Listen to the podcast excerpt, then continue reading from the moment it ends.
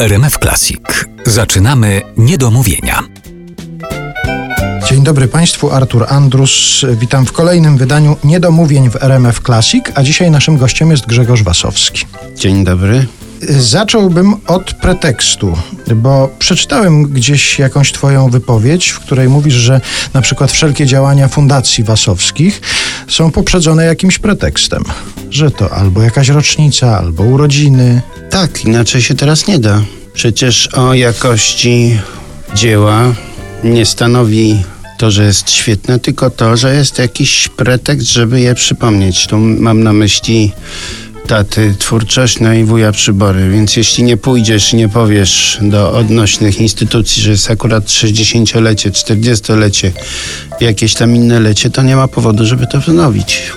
Czy No. żeby z tej okazji jakiś tam koncert urządzić. No to dlatego pomyślałem sobie, że jest rzeczywiście jeden poważny pretekst, ale Ale między nami tak jakaś rocznica jest, o której zapomniałem? No właśnie postaramy się teraz ustalić i A. pomyślałem sobie, że jakiś pretekst związany z dniem, w którym się spotykamy na antenie RMF Classic. Otóż chciałbym, żebyś zdecydował, która z okoliczności, która z rocznic najbardziej ci jako pretekst naszego spotkania pasuje.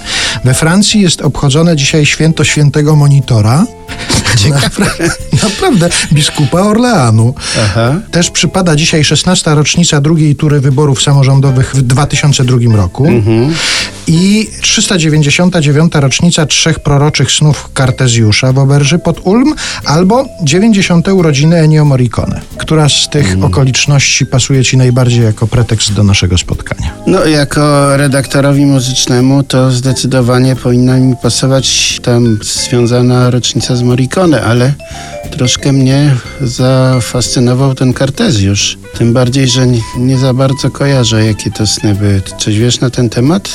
Budził się podobno parę razy w nocy, po kolei mu się śniły jakieś wizje takie, które kojarzył jakoś z dalszym rozwojem nauki. Aha. To jest takie jakieś opowieści z tego, co wyczytałem na ten temat. Nie, no to dopóki nie będę czegoś takiego precyzyjniejszego wiedział na ten temat, to, to wobec tego Morricone. Dobrze, to 90. urodziny Ennio Morricone. Powiedzmy na razie, że są pretekstem do naszego spotkania, a w ogóle to jest kompozytor, który bardzo na ciebie działa, czy... Szanuję go, bo ma coś takiego, co można nazwać rozpoznawalnym brzmieniem, a nie jest to rzecz częsta u twórców, więc jeśli się coś takiego os- osiąga, jak słyszysz, to wiesz od razu, że to Morricone. Tak jak to z Bakarakiem czy z Gershwinem można rozpoznać. Także go cenię bardzo. A czy jakoś tak powala mnie? Może ja w ogóle nie jestem aż tak wrażliwy, żeby się przewracać. No nie, na pewno są kompozytorzy na dźwięk, których się przewracasz. No to na ogół są to amerykańscy kompozytorzy, działający w latach 30., 40., 50. Te czasy.